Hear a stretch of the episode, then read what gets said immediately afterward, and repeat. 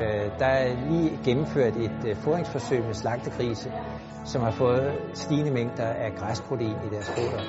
Og øh, nu har vi øh, nu har vi haft et smagsevent her i Herning, hvor hvor deltagerne har smagt de forskellige typer kød, og øh, det er gået rigtig godt. Øh, der er, det smager super godt alt sammen, og det kan vi se, når vi ser på resultaterne fra det, de bedømmelser, som deltagerne har givet kødet. Det er helt sikkert noget, jeg regner med, at jeg kan bruge på min bedrift her. Vi er hjemmeblander i forvejen, så det ligger lige til højre ben at komme i gang med det. Uh, umiddelbart havde jeg nogle fordomme omkring, at det måske ikke smager helt så godt som sojaprotein. Øh, I hvert fald så har de spist det ret godt, og de er vokset ret godt og har en, en god øh, kødprocent. Og nu har vi lige haft nogle smagsprøver, og jeg kunne ikke smage forskel, om de har fået græs eller ikke har fået græs.